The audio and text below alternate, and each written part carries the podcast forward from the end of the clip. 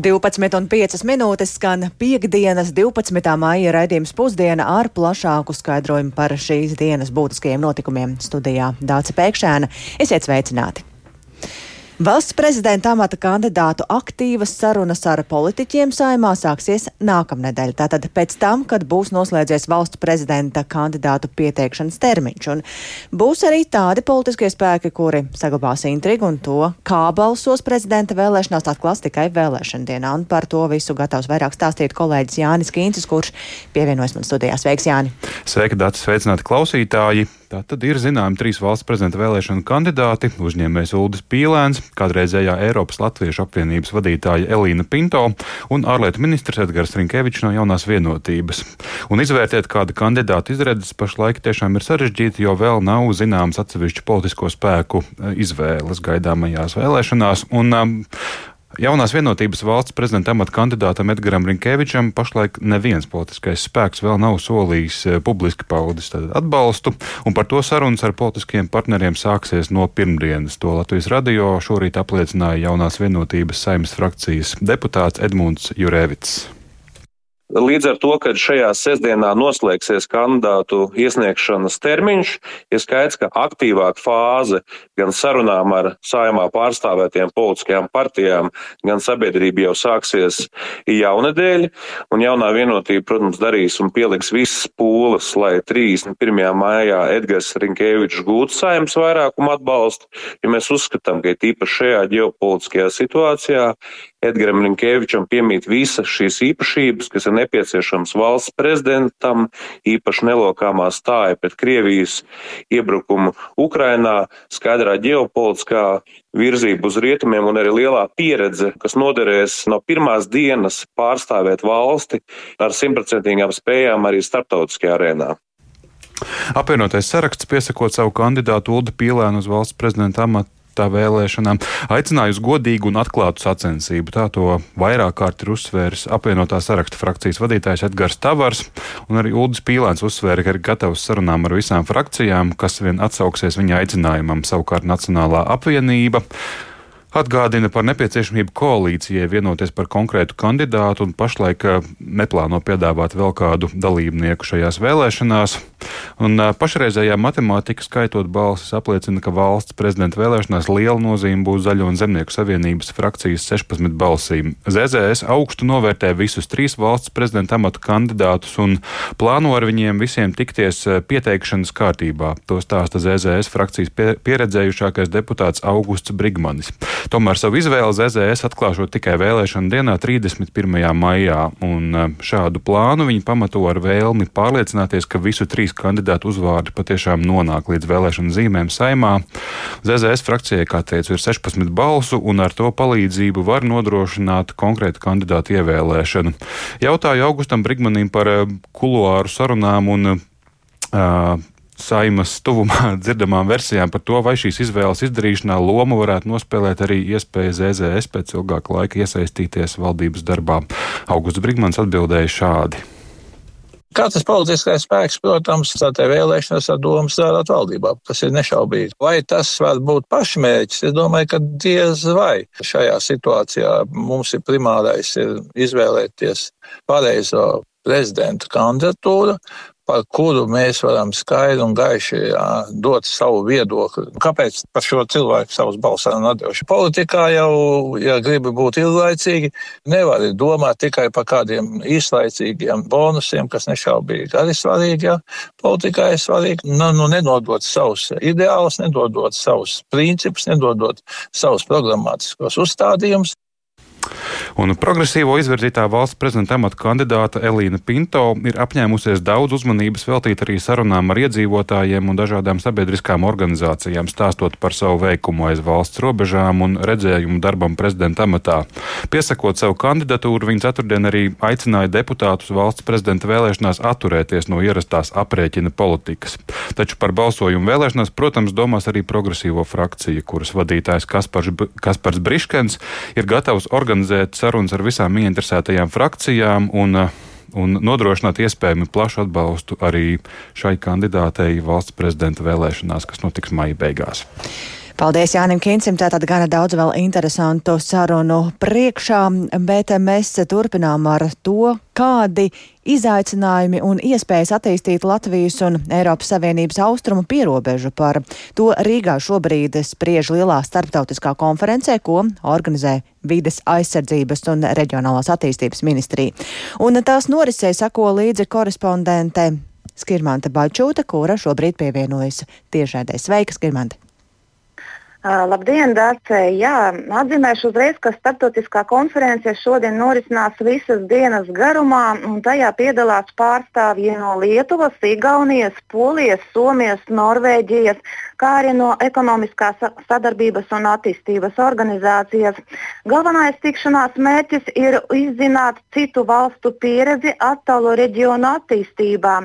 Uzsvars tiek likts tieši uz ekonomiskās izaugsmes atbalsta pasākumiem un uzņēmēju darbības veicināšanu.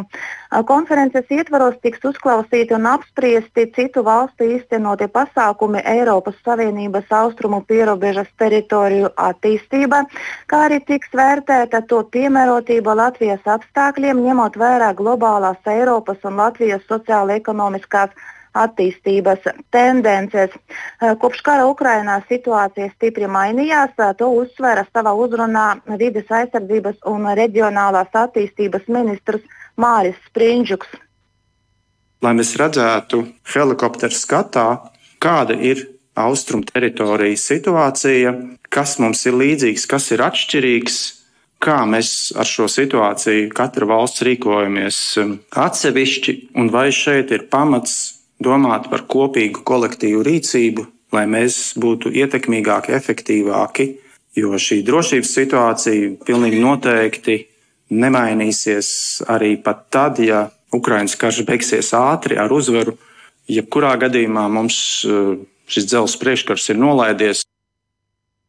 Konferencē tāpat tiks meklēti papildus iespējamie atbalsta instrumenti Eiropas Savienības līmeņa atbalsta programmai Austrumu pierobežas teritorijām, tajā skaitā Krievijas militārās agresijas pret Ukrainu radīto sociālo-ekonomisko seku mazināšanai, kas Latvijas ierobežota budžeta finansējuma ietvaros būtu, būtu ļoti vietā. Dace?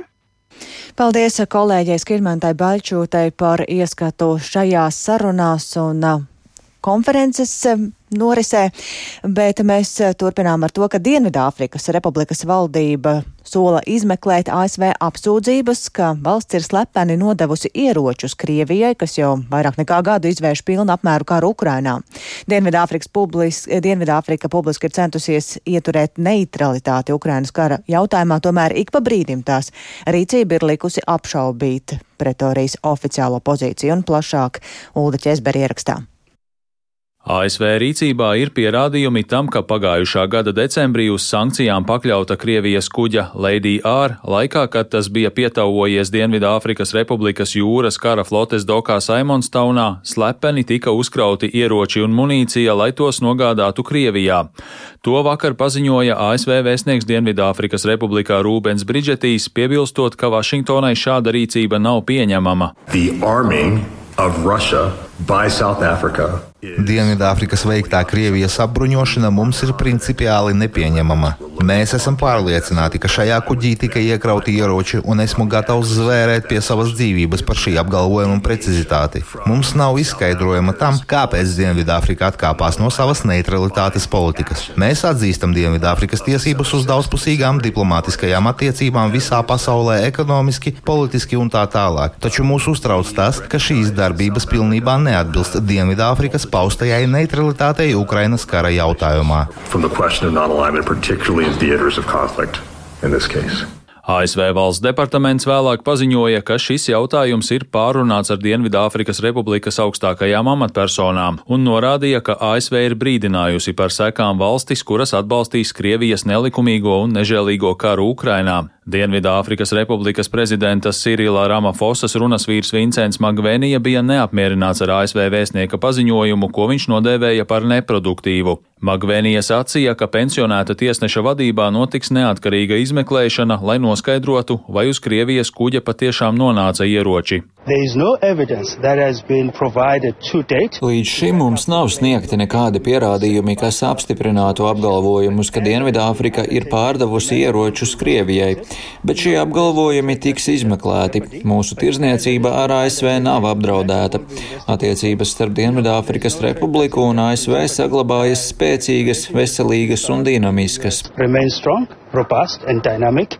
Dienvidāfrikas Republika nav pievienojusies starptautiskajām sankcijām pret Krieviju, atsaucoties uz Maskavas atbalstu laikā, kad valsts cīnījās pret nežēlīgo aparteīda režīmu. Pretorija arī apgalvo, ka ievēro neitrālu pozīciju Krievijas karā pret Ukrainu. Tomēr Rietumvalstis apšauba Dienvidāfrikas Republikas neutralitāti, norādot, ka tā patiesībā atbalsta Krieviju. Februārī Dienvidāfrikas Republikas jūras spēki piedalījās kopīgās militārajās mācībās ar Krieviju un Ķīnu, par ko Pretorija saņēma daudz pārmetumu. Prezidents Ramafosa ir aicinājis Krievijas kolēģi Vladimiru Putinu neapmeklēt klātienē augustā Dienvidāfrikas Republikā plānoto BRICS valstu līderu samitu. Iemesls tam ir starptautiskās krimināla tiesas izdotais Putina aresta orderis, kurš Dienvidāfrikas Republikai kā šīs institūcijas dalībvalstī ir jāpilda. Uldis Česberis, Latvijas radio.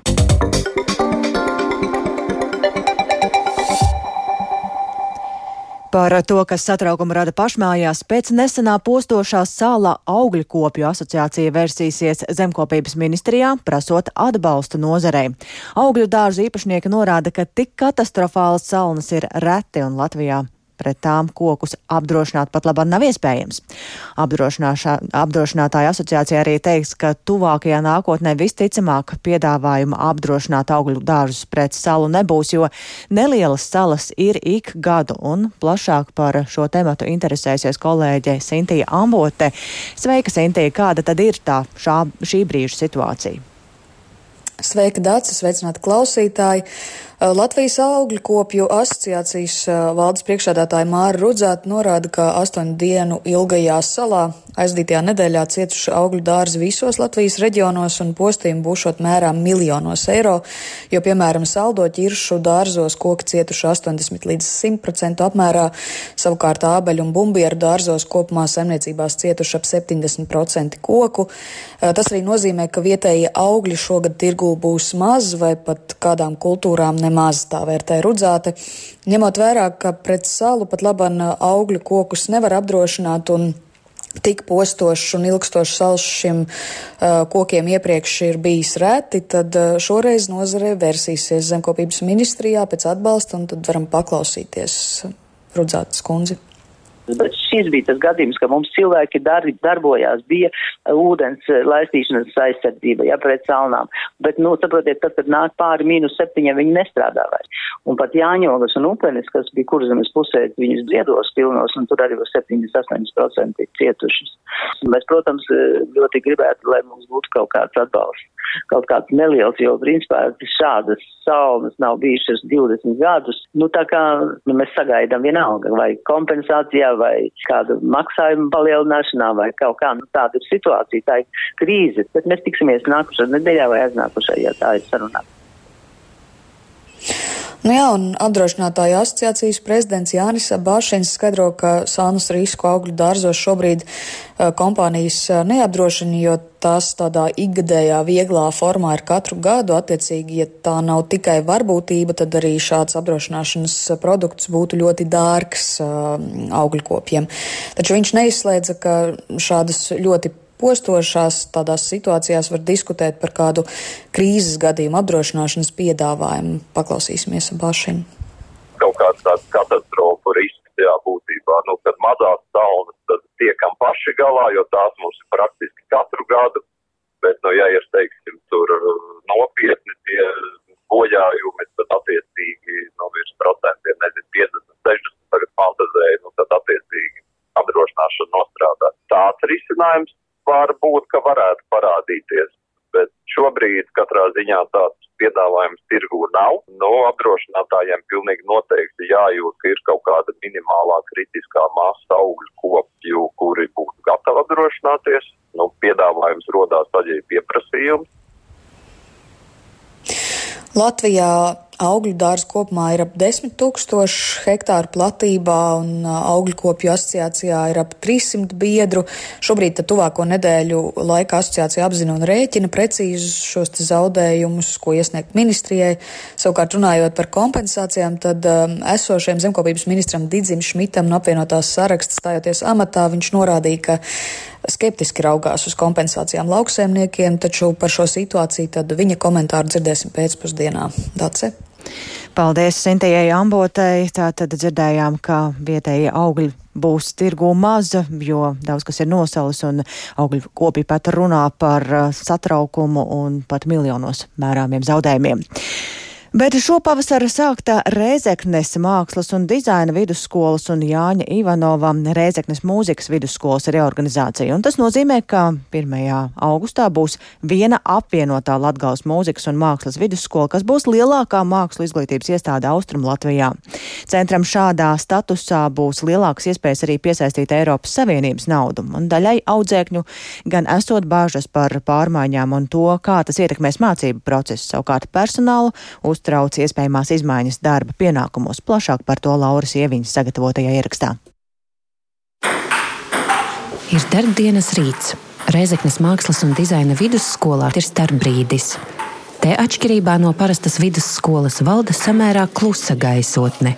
Audzēkņi nesteidzīgi staigā pa gaiteņiem, daļa sēž uz krāsainiem pufiem, citi spēlē galda tenisu. Jaunajā mācību gadā šos jauniešus gaida pārmaiņas. Valdības lēmums paredz līdz 1. augustam izveidot apvienoto Latgales mūzikas un mākslas vidusskolu. Reorganizācijas iniciatori ir pašas skolas. Reizeknas mākslas un dizaina vidusskolas direktore Ilma Steinberga norāda, attīstības ieceru īstenošanai viņi vieni paši ir pārāk maza skola gan plašākai starptautiskai sadarbībai, gan materiālās bāzes uzlabošanai, gan arī infrastruktūras modernizēšanai. Jāņa Ivanova Reizeknas mākslas vidusskolas direktors Raimons Arbidāns stāsta, jaunajai skolai būs mākslas izglītības kompetences centra status, kas ļaus efektīvāk apgūt Eiropas Savienības līdzekļus būs iespēja veikt gan energoefektivitātes pasākumus, gan labi iekārtošanas pasākumus, protams, arī skolu kopmītņu jautājumu risināšana. Tas būs kopējais projekts. Kultūras ministrijas valsts sekretāra vietnieks kultūra politikas jautājumos Uldis Zariņš piebilst, kompetences centra status nozīmē arī augstāku pedagoģu atalgojumu un vienlaicīgi lielāku skolas atbildību. Iegūstot šo kompetences centra statusu, skolas atbildība ir pāraudzīt profesionālās kultūra izglītības kvalitāti un īstenošanu visā reģionā. Tātad kļūt par šo kompetences metodisko centru, kas atbalsta arī mazās pašvaldību mūzikas un mākslas skolas. Pēc reorganizācijas plānots izmantot abu skolu ēkas, kas saglabās arī savus vēsturiskos nosaukumus kā struktūra vienības. Reizeknas mākslas un dizaina vidusskolas direktore Ilma Steinberga norāda, nemainīsies arī izglītības programmas. Ļoti neliels skaits stundu visdrīzāk būs kopā tieši vispār izglītojušie priekšmeti, tādi kā latviešu valoda, matemātika, svešvaloda. Lai arī reorganizācijas procesā štatu samazināšana nav paredzēta, Ilma Steinberga atzīst, darbiniekiem ir bažas par savu vietu jaunajā skolā. Ļoti iespējams, ka kādā darbinieka amata aprakstā parādīsies jauni pienākumi, tad viņa ziņā būs lemt, vai viņš šos pienākumus uzņemās, vai viņš spēj to veikt vai nē. Latvijas mūzikas un mākslas vidusskola kļūs par lielāko mākslu izglītības iestādi Austrumlatvijā. Tajā mācīsies vairāk nekā 600 izglītojamie. Rēzeknes mākslas un dizaina vidusskolas trešā kursa audzēkne Agnese Skangale, uzzinot par skolu apvienošanu, bijusi neizpratnē. Bija tāds nedaudz uztraukums, kā tas viss darbs notiks, jā, un kā mēs sadzīvosim ar mūziķiem. Varbūt arī tas, kā tas viss mācību process varētu notikt. Savukārt Jāņa Ivanova Rēzeknes mūzikas vidusskolas pašpārvaldes prezidente Deina Misāne atzīst, gaidāmās pārmaiņas uztvērusi pozitīvi. Mēs jau vienmēr esam sadarbojušies ar mākslu mākslas skolu. Viņi ir pie mums nākuši, kad mums ir skolā danči. Jāatzīmē, ka pēdējo desmit gadu laikā reorganizācijas rezultātā mākslu izglītības kompetences centri ir izveidoti arī Liepājā un Rīgā. Kultūras ministrija jau nākamnedēļ plāno izsludināt atklātu konkursu uz jaunās skolas direktora vietu. Laurija Viņa, Latvijas Rādio studija Latgalē. Un um, īpaša diena šodien ir visiem hokeja faniem, jo šodien Rīgā un Tamperē sākas pasaules čempionāts hokejā. Mūsu galvaspilsēta cer, ka ieradīsies vairāk nekā 30 tūkstoši līdzutēju, taču kā viņus šeit uzņems, um, kur viņi varēs skatīties spēles un ko vēl redzēt bez hokeja, par to ir interesējusies kolēģi Agnīlā Zdeņa, kura šobrīd pievienojas studijā un uh, ir arī aprunājusies ar atbildīgiem pārstāvjiem. Sveika, Agnija! Un jāteic, ka mēs jau gatavojoties redzēt, raidījumam to hokeja noskaņu sākām sajust, jo viena no vietām, kur varēs redzēt eh, arī spēles, ir Doma laukums, un hokeja fani jau ir dzirdami. Eh, Agnī, kā sagaida līdzutējs Rīgā? Jā, sveiki. Tātad, kā jau tu Dāca minēja, ir gaidāms patiesi liels skaits līdzjutēju, un šis skaits, proti 30 tūkstoši, ir iegūti no biļešu iepriekš pārdošanas rezultātiem uz 12 spēļu dienām. Un pašlaik aktīvākie biļešu pircēji ir no Čehijas, Slovākijas un Šveices, taču, kā norāda čempionāta organizatori, no komandām ir dzirdēts, ka ir vēl daudz līdzjutēju, kas šobrīd vēl ir tikai ceļā un biļetes plāno iegādāties uz vietas. Bet runājot par to, kur tad čempionātam varēs vēl sekot, sekot līdzi, izņemot pašu arēnu, tad, protams, kā galvenais ir oficiālā fanu zona. Šogad tā nebūs līdz šim ierastās telts vietā pie kongresu nama, bet gan atradīsies arēna Rīga teritorijā pie B ieejas, kas ir galvenā ieeja. Un šogad gan fanu zonā līdzutējiem būs diezgan liela atšķirība no citiem gadiem, un to skaidro Latvijas Hokeja federācijas valdes loceklis un šī gada pasaules čempionāta organizācijas komitejas vadītājs Edgars Buncis lai apmeklētu pašu spēli, būs jāuzrāda derīga biļete pirms iekļūšanas fanu zonā un jāapmaina uz attiecīgās spēles aprots. Savukārt pie ieejas fanu zonā interesanti un līdzjutēji tiks pārbaudīts tikai uz aizliegtiem priekšmetiem, biļetes netiks pārbaudīts, tātad iekļūšana fanu zonā ir jebkuram un savukārt iekļūšana arēnā jau uz konkrēto spēli ir ar šo te izdoto aprotu Šādu sistēmu organizē lielā cilvēka daudzuma un spēļu skaita dēļ, lai varētu tad operatīvi virzīt cilvēku plūsmas gan uz, gan no arēnas. Tad, protams, spēles varēs vērot arī dažādu kafejnīcu un bāru iekštelpās, taču šogad jaunums ir tāds, ka laikā, kamēr norisināsies čempionāts, pilotu projekta gaitā Rīgā ir atļauta arī pārvietojamo dzērienu iekārtu un televīzijas ekrānu izvietošana arī āra kafejnīcās, kur, protams, gan ir vajadzīga Rīgas domas atļauja, un kā man norāda norādīja domē, tad šobrīd divas kafejnīcas ir vērsu, vērsušās pēc šādas iespējas, bet ļoti daudz nodrošina spēles vērot tieši iekštelpās. Kā ir ar vizuālo noformējumu pilsētās? Arī pa ceļam uz rādio esmu redzējuši šos ēžus, kas vēl ir pilsētā.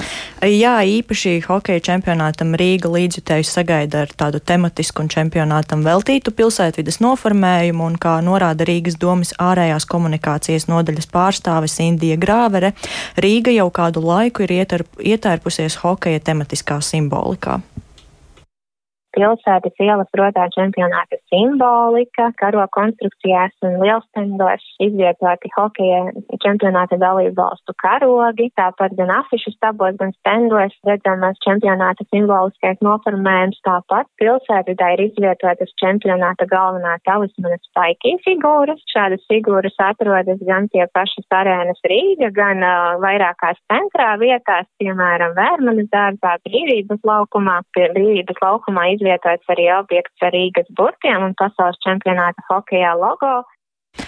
Tāpat Rīgas ielās pasažierus arī pārvadā pasaules čempionāta hokeja identitātē noformēts tramvajs, kas kursē maršrutā Juga Līmanta, un kā arī, lai brīvajos brīžos starp spēlēm ārval, ārvalstu līdzjutēji iepazītu Rīgu, sagatavots ceļve, ceļvedis pasaules čempionāta hokeja apmeklētājiem. Tātad turpmākās nedēļas Rīgā tādas hokeja noskaņās. Paldies Agnijai Lazdiņai, un arī jāteic, ka mums pašiem šodien spēle vakarā pret Kanādu pēc pulksten astoņiem, un par hokeja čempionātu pirmo dienu mēs runāsim arī raidījumā pēcpusdiena. Un ar to izskan raidījums pusdiena. Tā producente Ilze Agīnta ierakstus montēja Uldis Grīnbergs par labskaņu rūpējās Iveta Zvēniece un ar jums sarunājās Dāce Pēkšēna. Mūsu ziņām var sekot līdzi arī sabiedrisko mediju ziņu portālā, un raidījumi ir atrodami raidierakstu platformās, ierakstot dienas ziņas. Lielisks brīvdienas!